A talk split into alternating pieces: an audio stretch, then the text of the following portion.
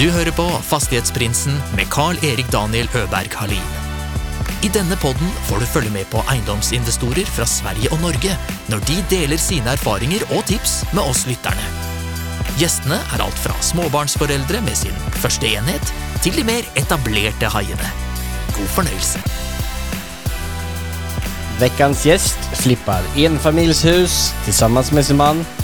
Vi snackar branding och marknadsföring. Hon har också ett skarpt öga för interiör och detaljer som fint dokumenteras på Instagram-kontot Elbolig.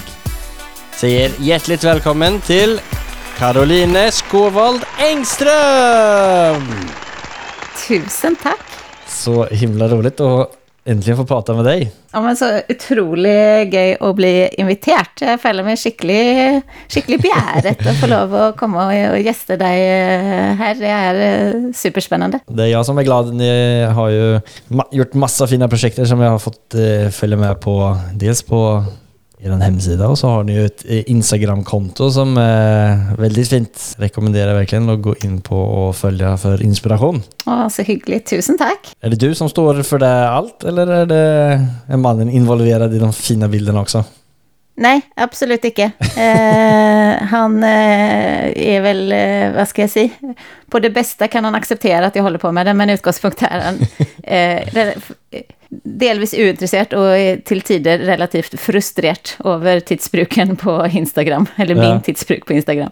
Okej. Så, men jeg prøver å forklare at eh, det er viktig i eh, varemerkesbygging. Eh, så det, det har han vel begynt å innse nå. Ja. Men för du nämnde tidigare att du var utbildad inom varumärkningsbyggning, eller miss- var det riktigt? Ja. Kan du berätta lite vad det var som du har jobbat med, eller jobbar med? Ja, nei, altså jeg er jo utdanna siviløkonom, eh, egentlig, eh, med internasjonal markedsføring Mm. fra Handelshøyskolen i Göteborg. Mm. Men har eh, jobba eh, med varemerkesbygging i, eh, ja, siden 2004. Først i eh, Volvo Cars, og etter hvert i eh, Jotun. Mm. Eh, Som jo begge to er store, globale, sterke merkevarer. Så Som har dig att tacka att de är stora och globala. Ja, så, så nå prøver jeg å applisere litt av det jeg har lært og erfart under alle år eh, i, i vårt eget lille, lille selskap. Ja, har du några bra tips vad man ska tänka på i varumärkesbyggning? Eh, nei, men det handler jo om eh, og Egentlig er det en reise som går helt fra målgruppen. Forstå målgruppen og innsikten, og forstå hva det man har for verdier som man kan eh, ja, som man kan overføre til målgruppen. Eh, Hva som eh, bygger verdi hos dem. Mm. Og, og være veldig konsistent i sitt eh, uttrykk og det man formidler. Mm. Så walk the talk, rett Ja. og slett. Ja. Eh, Det är ju Helbolig som ert företag heter och ni är ju både interiörvägledare, ni erbjuder snickeri och håller på med egendomsutveckling både, eller ni, ni säljer alla de tjänsterna.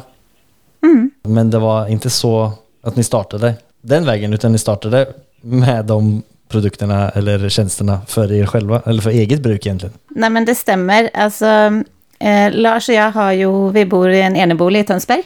Og den har vi pussa opp siden eh, ja, Lars eh, siden han flytta inn her i 2003, og jeg siden jeg flytta inn her i 2007. Eh, og det har vel vært et eh, Hva skal jeg si Never ending project. Okej. Eh, men vi har alltid hatt veldig gøy når vi har pussa opp sammen. Eh, Og på et tidspunkt eh, kjøpte vi hytte som vi totalrenoverte på et halvt år. Eh, brukte hel kvelder og, og helger, eller primært helger. Og vi storkoste oss, vi syntes det var så gøy. Så på egentlig ganske tidlig så sa vi at det hadde vært gøy så bare kjøpe en leilighet en gang og pusse opp og selge. Mm.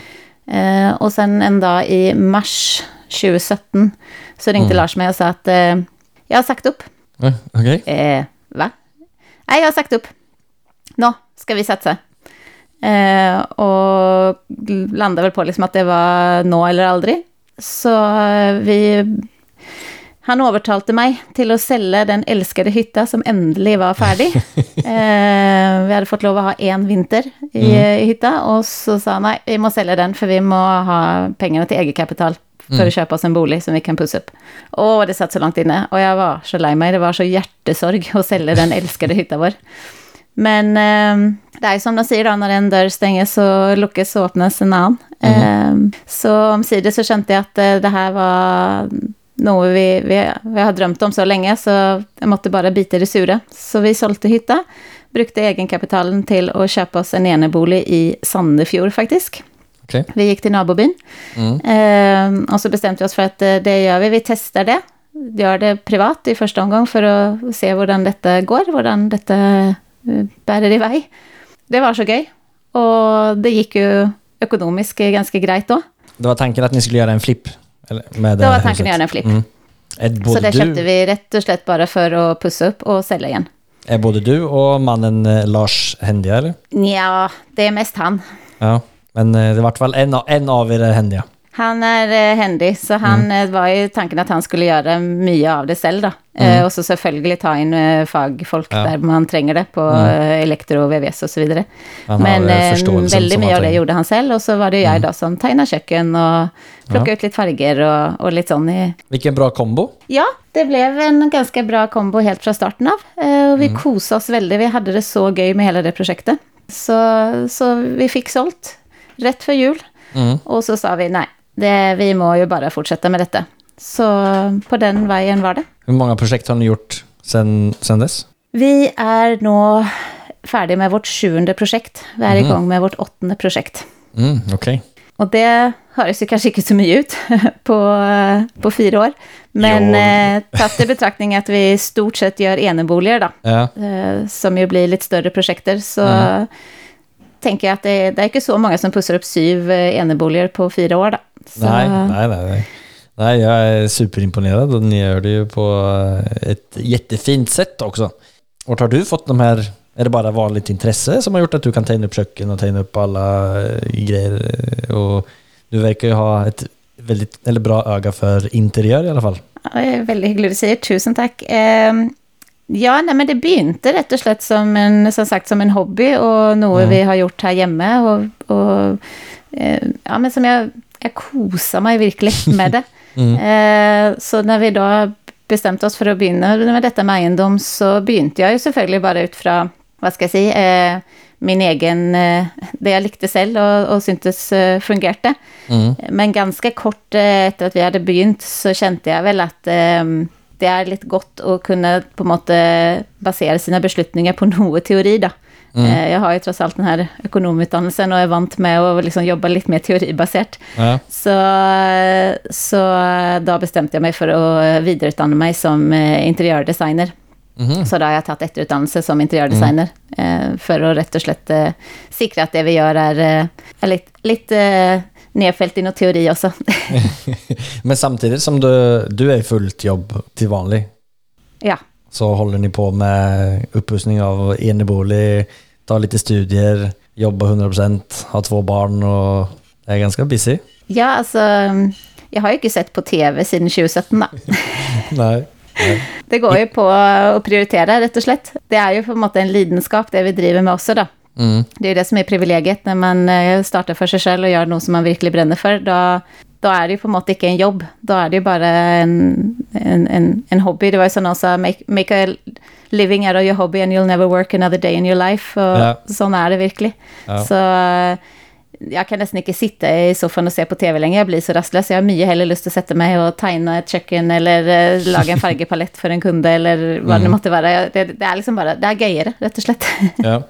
Jag tar ett litet sånt eh, avbräck för vi hoppar vidare till eh, några fler frågor. Så tar vi sju snabba frågor för att lära känna dig lite mer. Spännande. Är du klar? Jag är klar. Strand eller fjäll? Strand. Morgon eller kväll? Kväll. Disco eller jazz? Disco.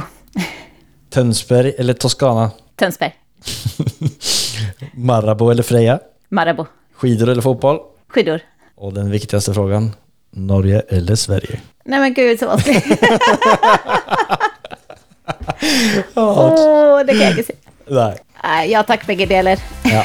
ja, men det var politiskt korrekt. Ja, men tack så mycket, det var bra.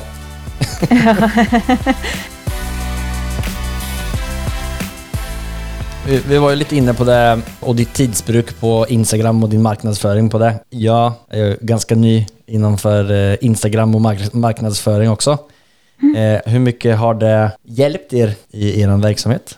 Har du börjat känna av att det har kommit någonting utav det? Har ni fått några kunder eller? eh, Ja, men absolut. Alltså, Instagram är ju det som är så otroligt gøy med Instagram är ju att det är så tovägskommunikation. Mm. Eh, och det har hjälpt oss på så otroligt många måter, men både i form av all inspiration som jag finner på Instagram när jag ska tegne våra projekter, eller för kunder. Det är ju en, eh, vad ska jag säga, en oändlig kilde till inspiration. Mm. Så det har ju varit en hjälp den vägen. Och sen är det ju eh, väldigt gøy att bygga upp alla de relationer man gör. Och det har jag gjort både med, med andra eh, Instagram-kontor, folk som står bak eh, kontor, men också med eh, samarbetspartnere. Vi har ju flera kämpegoda samarbetspartnere eh, som vi är väldigt, väldigt stolta över att få lov att samarbeta med. Eh, och det har ju självklart då blivit genererat till stor del ut från ut från Instagram.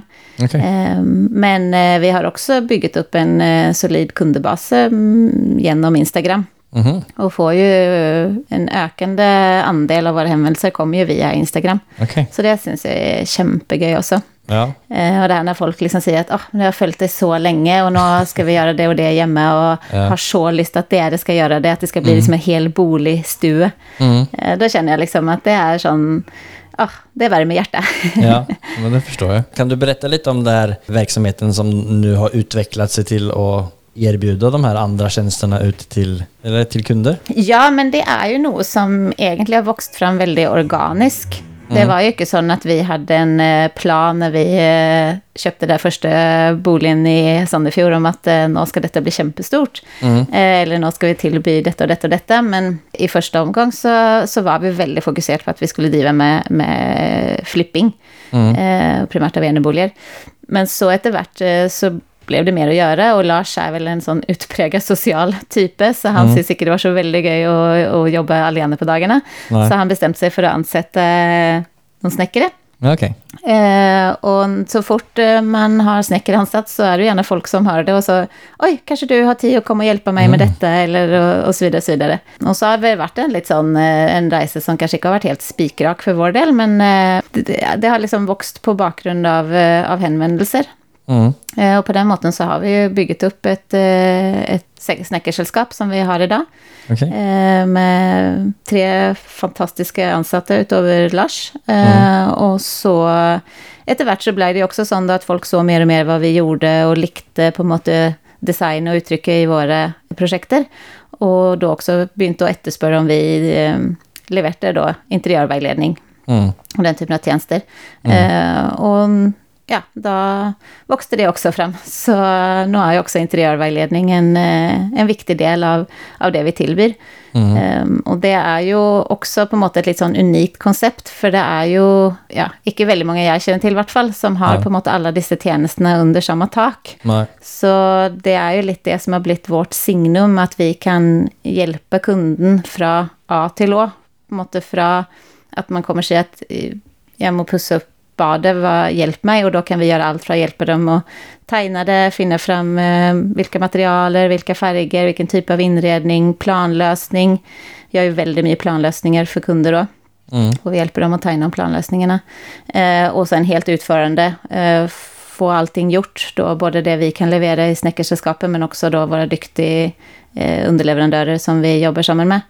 Eh, har ett fantastiskt team av underleverantörer som vi jobbar väldigt gott samman med. Så det är så gøy att få måte, dra allt detta samman. Och så kan vi liksom avsluta med att jag i princip kommer och hänger upp hånklarna och sätter in plantorna på det badet då när det är färdigt. Ja. men så Eh, himla och det är en ganska unik sammansättning då, att kunna leverera allt Ja. det på, på ett och samma sted. Så det blir väldigt enkelt för kunden. Det blir Mm. på något sätt en sån one-stop shop, rätt och slett. Du verkar vara över meddels intresserad i interiör. Har, eh, alltså, om det är ett dyrt material, har det en stor påverkan på värdet på en... Om den ökar Ja, men jag det? tänker ju att eh, alltså, det är lite sån todelt spörsmål. Mm. För det är ju väldigt enkelt att bara gå och köpa det dyraste man kan finna. Och så kan en mäglare eh, skriva i annonsen att här har vi satt in ett eh, Bulltaup-köken med Gaggenau-maskiner. Mm. Eh, men för det om ting är dyrt så betyder inte det att det nödvändigtvis passar samman eller att eh, på måte att det, ting ser bra ut, att det blir en god röd tråd i designen. Mm. Så jag tänker att det är ju en kombination av eh, materialvalgerna, färgerna, eh, så att man bygger ett starkt interiörkoncept. Och utifrån det så, så skapar man ju ett, ett vackert helhetligt interiör. Men så är det ju också så att det är all den tid man jobbar med egendomsutveckling, så alltså, vi driver ju inte med välgörenhet. Så det är Nej. klart att eh, ett landsted ska vi ju tjäna pengar. Och då blir det ju ofta att man måste göra några avvägningar. Mm. Och så kan man eh, gå för eh, eh, och investera lite extra i enkelte ting som man menar är riktigt i akkurat den egendomen. Och så får man kanske hålla tillbaka på lite andra ting då. Men eh, ting ska selvfølgelig fungera och det ska se bra ut och det ska vara kvalitet som varar över tid. Men eh, man kanske inte alltid kan välja allt från översta hylla då. Kan du ta något exempel på kanske något eh, projekt som ni har gjort? På vilket sätt man kan balansera en, en sån eh, materialvalgs... Eh, Vi har haft eh, projekt där vi har satt in eh, relativt kostbara köken från Sigdal för exempel. Eh, som vi satte in i ett projekt. Eh, men i det samma projektet så valgte vi bevisst att inte lägga parkett på golvet, men vi la, la, eh, la något som heter Herda trä. Eh, Herda trä är ju på något sätt en sån hybridprodukt mell- som ligger mellan parkett och laminat. Och för många hade det kanske varit naturligt att sagt att eh, vi lägger parkett. Det är, eh, det är fint, det vill alla ha. Eh, Men parkett har ju den ulempen att det är mykare och det blir fort märken och så vidare. Och då tänker jag att härda trä är många gånger ett mycket bättre alternativ. För det på något kombinerar parkettens vackra utseende och det naturliga träet. Men det har på något sätt slitestyrkan och tåligheten då till en, till en laminat. Eh, Men det är i tillägg då eh, ett eh, rimligare alternativ än, än parkett. Ja, okej. Och på den måten så är det ju då en eh, ekonomiskt gunstig att, bruka det ja, men då förstår jag. Vi, I en av våra sista lägenheter som vi bodde i så hackade min yngsta son eh, 40 hål i, i golvet första dagen. eh. Då sa jag, ska inte bli parkett nästa gång i alla fall. Mm. Det är då, underbart. Då blir det nog härdat trä på mig nästa gång vi flyttar. Ja, jag kan säga att vi har ju la, vi la parkett här i vårt eget eh, hem för, eh, vad är det nu, 14 år sedan snart. Ehm, och där har vi då haft två labradorer och två jenter som har vuxit upp med lekar och sånt. Så den parketten ser ju icke ut i måneskinn. Nej. Och vi ser ju det, för att härda trä, det blir på något sätt bara större och större och större. Och det är ju nettopp det att det är så slitesterkt samtidigt då, som, som det har den naturliga vackra träföljelsen då, som du får från på en parkett också.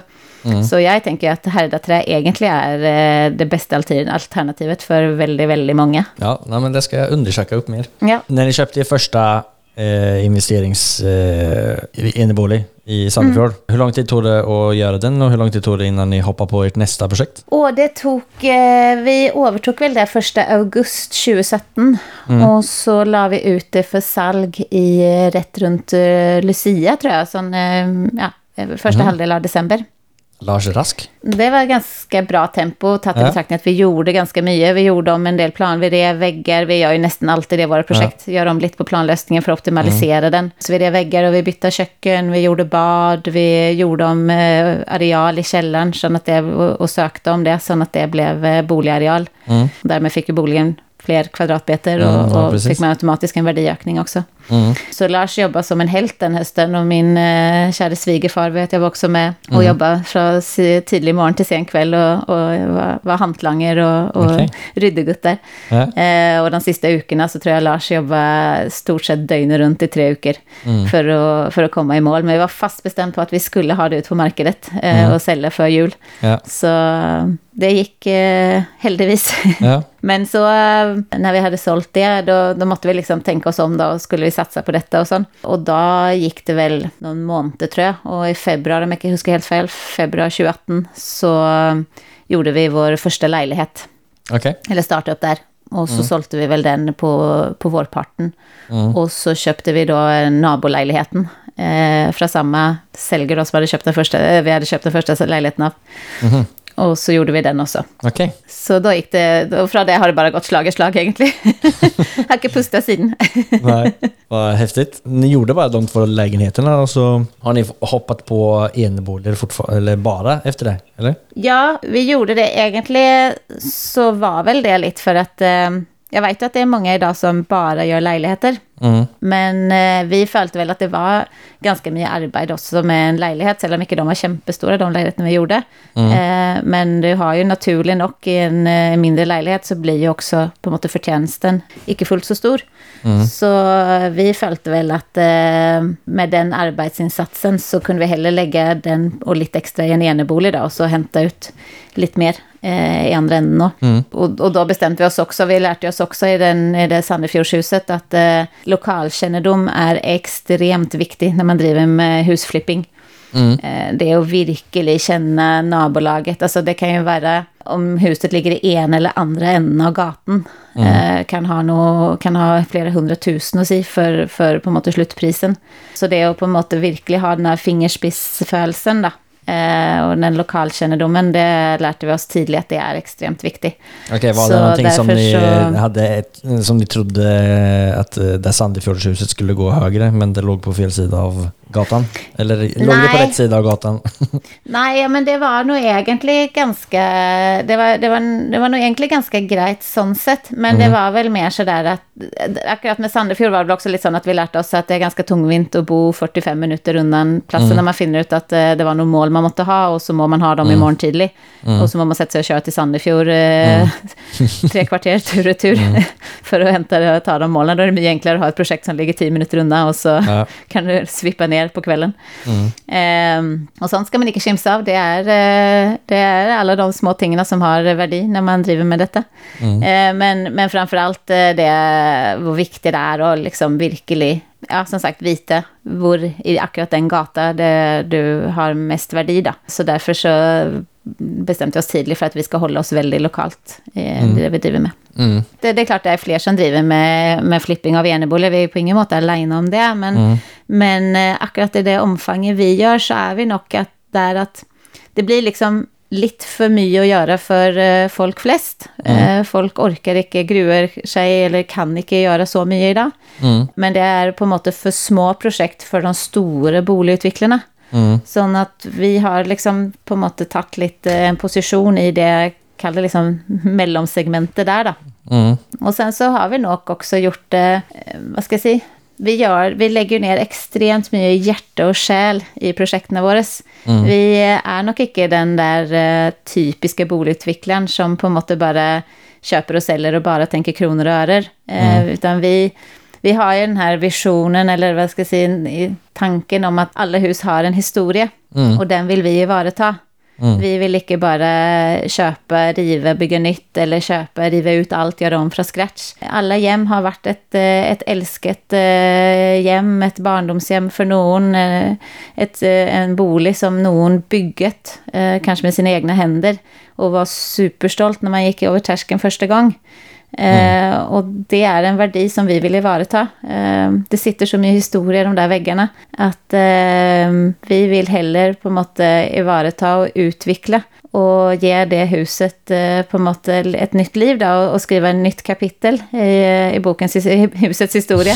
Ja. Eh, och inte minst att la en ny familj flytta in eh, lika stolt som de som byggt huset för 40, 50, 60 år sedan.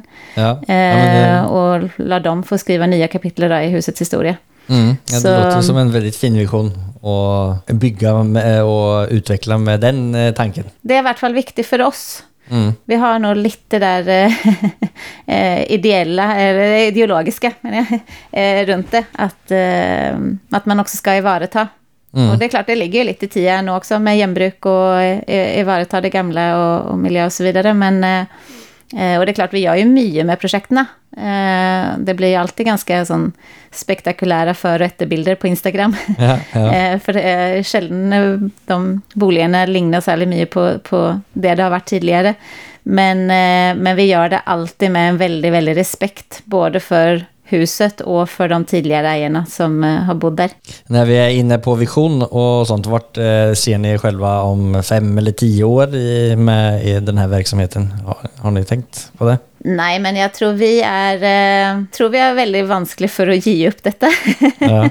eh, namnet Hel bolig kommer ju akkurat av det att vi gör på något eller ska kunna göra hela boligen. Mm. Så på sikt kanske vi har något som heter hel bolig VVS eller helbolig elektro eller Mm. det får eh, framtiden utvisa. Men, eh, men det som ligger närmast till hands är väl att fortsätta utveckla egendomsbiten. Eh, Så vi ser ju bland annat på det och investera i utleieenheter och kanske göra utleieenheter en hel boligpräg. Eh, För de som önskar att, att leja lite mer, eh, vad ska jag säga, eh, premium eh, Ja. enheter då. Vad har ni för krav på eh, när ni finner eller letar efter objekt? Har ni no- vilka punkter där som ska checkas av för att ni ska se det som ett bra flippprojekt? Eh, Så det är den här klassiska egendomsbyten, location, location, location. Okej. Eh, vi har kommit till det punkten nu där vi egentligen tänker att eh, det mesta kan göras på en enebolig. Man kan riva väggar, man kan sätta upp nya väggar, man kan flytta på rör, man kan, allt, det, allt det kan vi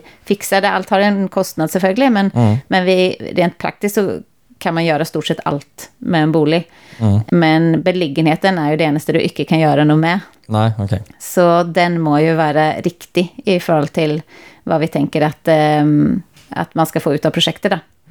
Så det är selvfølgelig viktigt. Och sen är det ju, för oss är det ju viktigt att den inte är i för god stand. Nej. Det må vara relativt dålig stand, eller i vart fall finnas en, eh, en, en väsentlig potential då, i att, vidareutveckla något.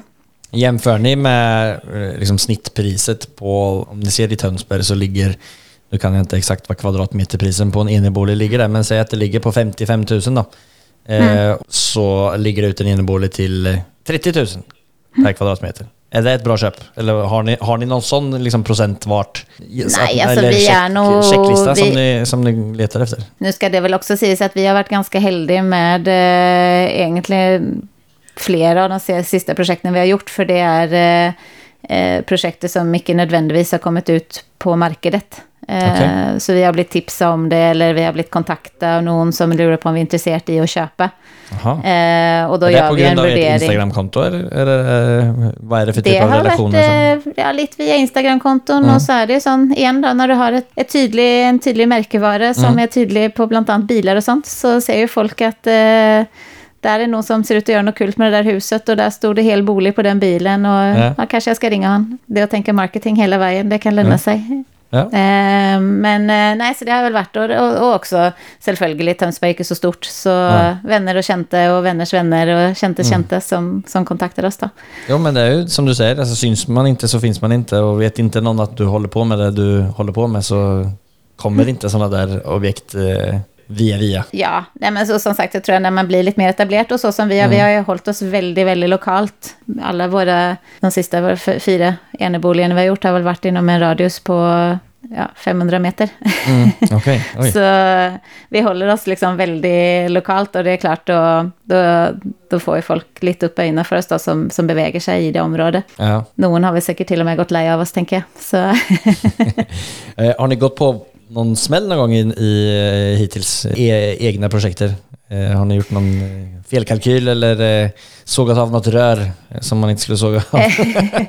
Nej, eh, alltså kalkyler är ju alltid extremt vansklig. Och Ja. när man driver med flipping så är det ju, säga, den här contingency-posten, eller posten för oväntade kostnader, den är ju procentuellt relativt hög. Eh, för det är det enaste du kan vara helt säker på. Har du något snitt som jag kan lägga in på den eh, oväntade posten? Mycket mer än vad du tror. Okej. Jag vet många opererar med sån 10% i contingency, men eh, vi borde säkert ha både 20 och 30% allt jag på att säga. När man driver med gamla hus, som vi i princip har gjort, alltså de, nästan alla hus vi har gjort har ju varit från ja, 50, 60 till i 70-tal. Så, så dyker det upp ting, du öppnar upp väggar och ting är skevt och det är, eh, ja, det kan vara dålig material, det kan vara väldigt bra material inemellan, så det är inte bara dåligt, men ting kan vara vanskliga att justera på, det kan vara murväggar som är muliga att ta sig igenom, som tar mycket längre tid än man tror att riva, och eh, allt möjligt som, du, som, som är extremt vanskligt att förutse. Eh, Så selv om vi har drivit med det här en stund så dyker det ju stadigt upp eh, överraskelser i projekten våra. Så det är ju på en, en annan typ av risiko då än om man bara bygger nytt för exempel. Då bygger man ju nytt från scratch, alla vinklar är räta och där liksom eh, plankekörning sånt sett. Ja. Eh, när man driver med gamla hus så är det då, då, då dyker det upp eh, uväntade ting eller man må göra om på planerna eller ja, tänka om och så vidare. Det är bara att förbereda sig på. Nej, jag tycker vi har gått på någon sån kämpesmäller, sån... Eller det har vi säkert, det är bara att jag har glömt bort det. Ja, ja. men, eh, var fokuserad men det är klart att projekt. det, det är någon projekt som har gått bättre än andra. Och Mm. där har vi haft någon projekt som vi i princip har gått plus minus noll i. Mm. Men vi har heldigvis inte tappat några särskilt pengar på några projekt än Det är jag väldigt glad för. ja, men det får vi hoppas att det fortsätter eh, så också. Ja, satsar Vad skulle du säga är de viktigaste komponenterna i, liksom, i ett projekt? Om man tänker rent som projektstyrningsmässig Mm. så tänker jag ju att eh, kostnader, kostnader, kostnader och ha Mm. beinhard kontroll och översikt över sina kostnader. Eh, Mm. För det är väldigt fort att ting drar av gårde hvis man inte har full kontroll. Eh, och kanske speciellt mot slutten när man börjar bli trött och sliten och det är väldigt fristande att, att ta in extra folk eller eh, la en hantverkare eh, göra lite mer än där man kanske hade tänkt man skulle göra lite själv, och så tänker man, Mm. eller han göra det. Eller.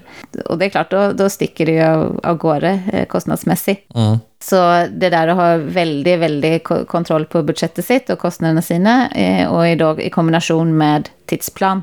Mm. Att man på sätt, man har en tidsplan man har satt upp och ofta är ju det med tanke på att alltså hela likviditeten och, och Ja. pengaflyten då ska, att det ska, må ju gå hand i hand. Då. Det var eh, väldigt bra tips. Nu ser jag att vi börjar närma oss vårt nästa segment som heter eh, Affärsanalysen. Eh, Det är det segment där vår gäst delar med sig om en genomförd affär.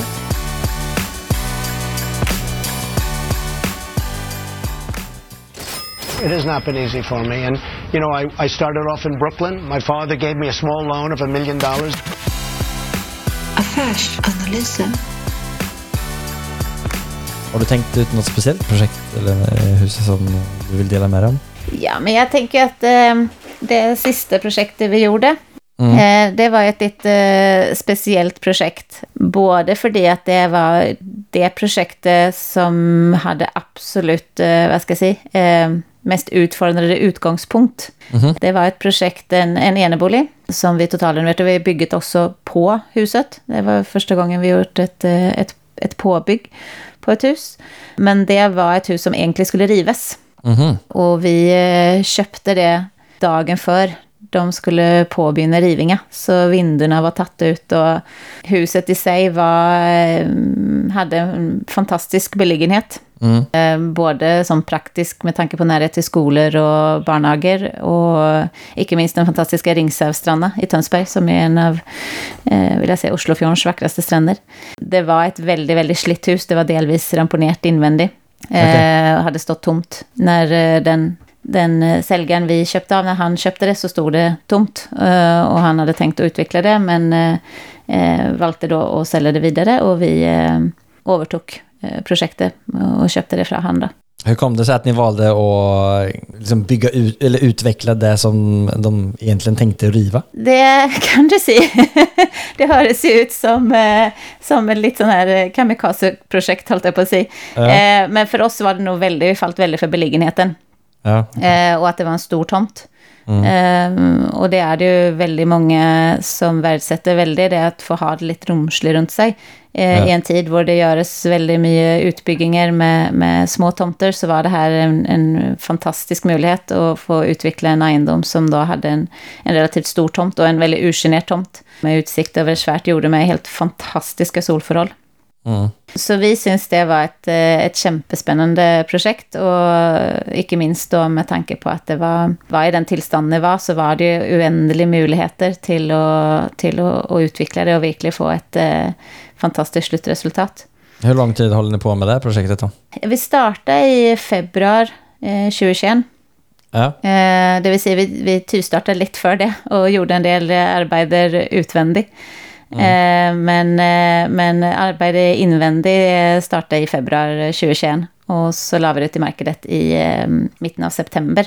Så det var ett halvt år. Men det var, då brukte vi egentligen lite längre tid än vad vi hade tänkt. Vi hade nog tänkt att vara färdiga lite för det. Men, eh, men som sagt, det var ting som skedde underveis och, och ting vi prioriterade att, att göra. Eh, så fick det heller lov att ta lite längre tid. Men det blev ett, eh, ett fantastiskt hus. eh, Och det bygget vi då på. Så vi bygget på en stor stue.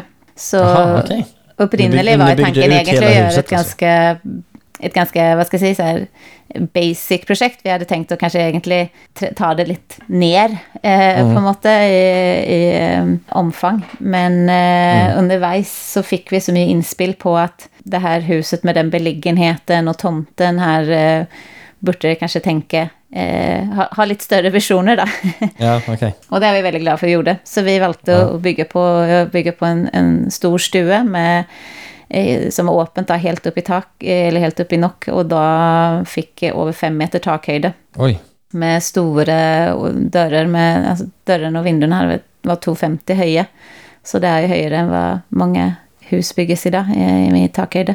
Så det Ja, blev ett helt fantastiskt eh, tillbygg och gjorde så otroligt mycket egentligen med hela egendomen. Jag tippar att du har ganska mycket bilder på Instagram om det här huset. Det, det, blev väldigt, eh, det blev väldigt mycket och det blev som sagt ganska så spektakulära för och efterbilder då när det Mm. blev en så otroligt stor forskel.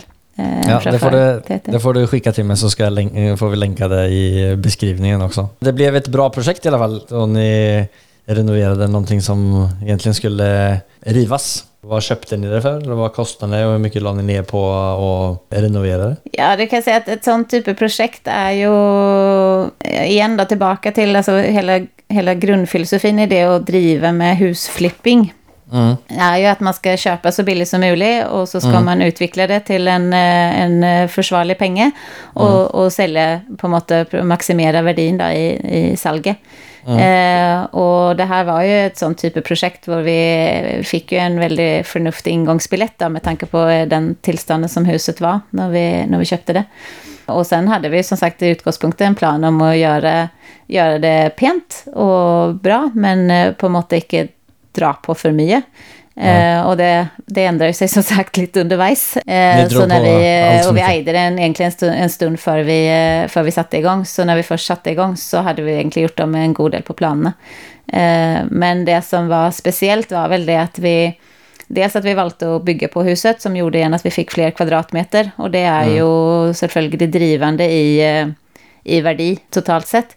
Eh, Så blev det en kombination med på måte det kvalitetsnivået vi la, vi la det på, som ju också var med på att öka värdien i det. Eh, Men eh, icke minst så var vi också väldigt heldiga med att eh, Tönsberg upplevde en enorm eh, värdiväxt, eh, prisväxt i våren 2021. Mm. Mest sannolikt väldigt drevet av, av corona. Eh, Att det var få objekter ute, men att vi också hade ett väldigt stort tillsig av folk från Oslo bland annat, som då ville ut av, eh, ut av byn eh, och få Ja. lite mer space och sitta innestängt i lägenhet i, i, i byn allt för länge.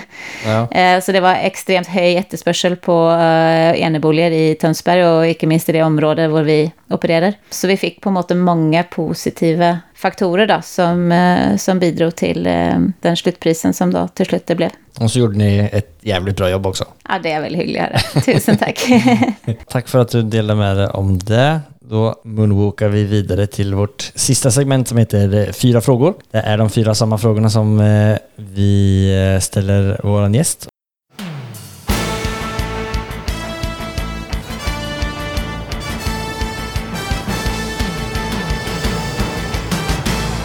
Cuatro preguntas. Och den första frågan är, vad är det som skiljer från en framgångsrik entreprenör mot de som inte lyckas, slutar eller aldrig kommer igång? Mot. Mot?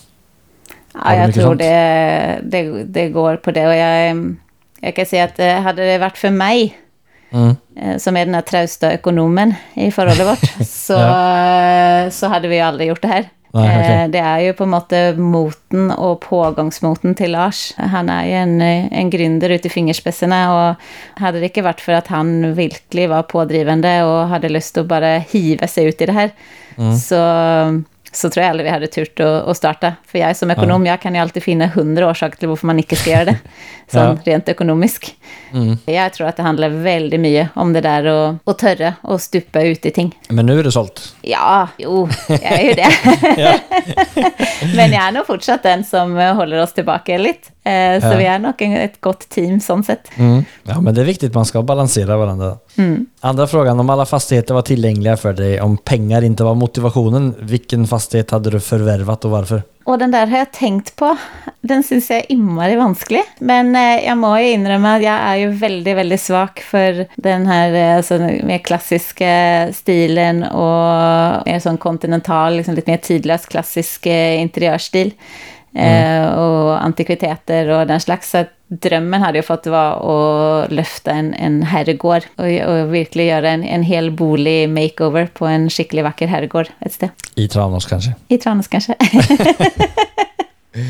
Tredje frågan.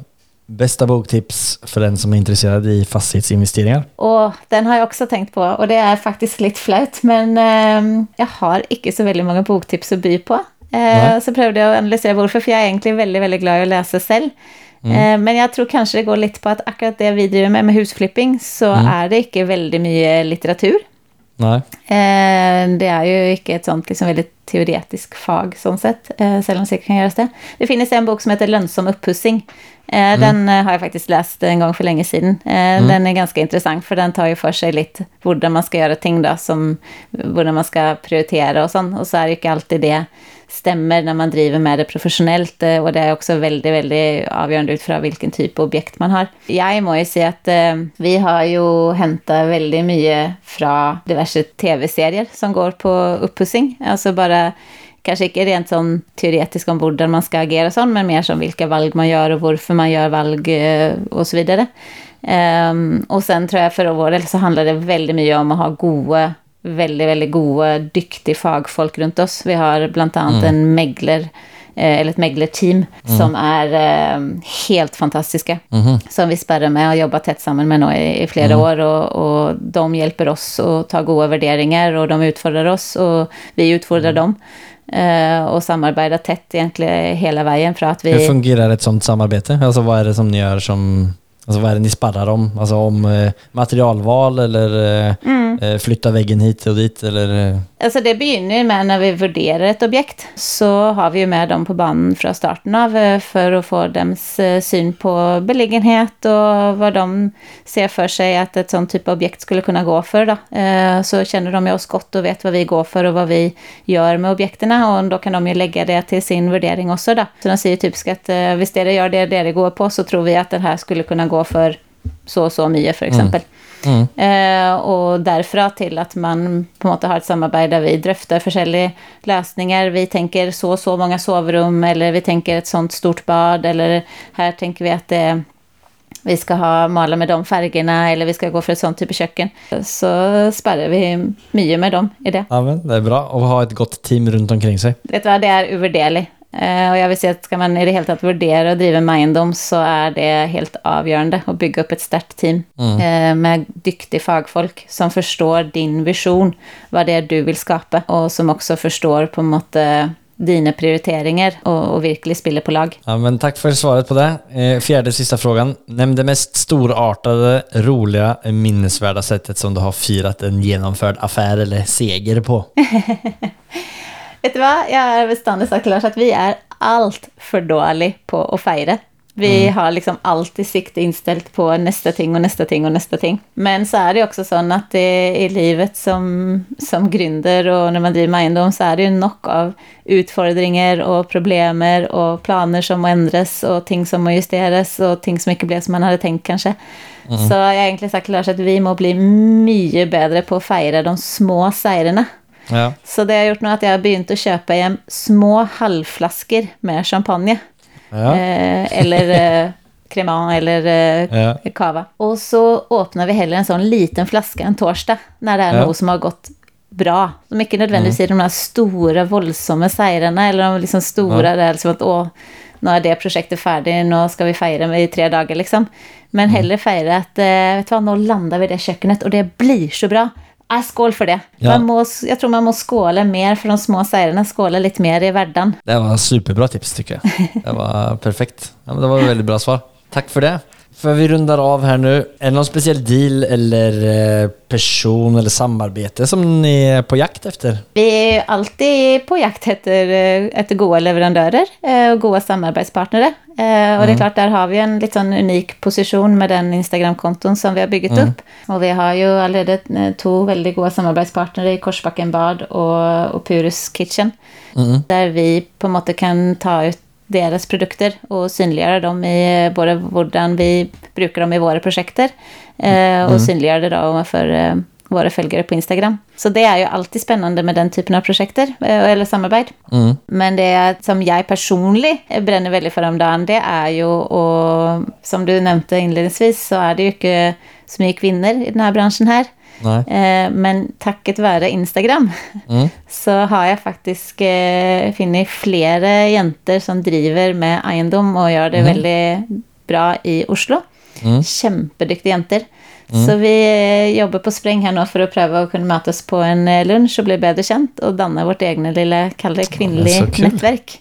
Ja. eh, Med, med jenter innanför eiendom. Ja. Så på ett rent personligt plan så skulle jag gärna komma i kontakt med fler Mm. eh, damer och jenter som driver eh, med eiendom. Så om det är någon som eh, gör det och hör detta så får de gärna ta kontakt på, på Instagram. Och där heter vi Hel Bolig.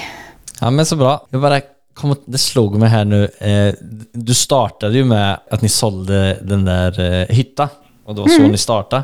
Och när jag var inne och kikade på eh, ert Instagram-konto runt jul så menar jag att jag registrerade någonting om eh, äntligen på hytta eller något, något sånt. Har du fått en hytta nu eller? Ja, vi har fått en ny hytta. Ja men så bra, då cirkeln är sluten. det är för så vidt också lite sån delvis en investering som vi har gjort samman med, med familjen min. Eh, okej. Föräldrarna mina. Och så vi, men eh, foreløpig är det, är det hytta vår. Eh, och Ja. den är, eh, ligger bara 50 meter från gamla hytta vår. Ja, så ja, så vi är bra. tillbaka where it all started. Ja, ja men så härligt. Cirkeln är bra. Ja. ja, men grattis till det.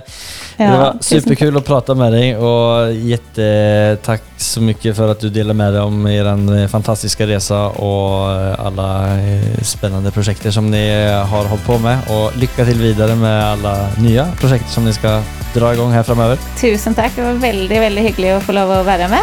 Eh, och väldigt kul att bli bättre känt med dig. Så jag Ja. gläder mig till att, att följa podden vidare också. Här är det så mycket duktiga folk som allerede har varit där och helt säkert kommer till att vara med framöver. Så jag gläder mig till att lära mig massa eh, mer av dem framöver. Tusen tack. Ha en jättefin kväll vidare så hörs vi. Det gör vi. Ha det gott. Ha det, ha det.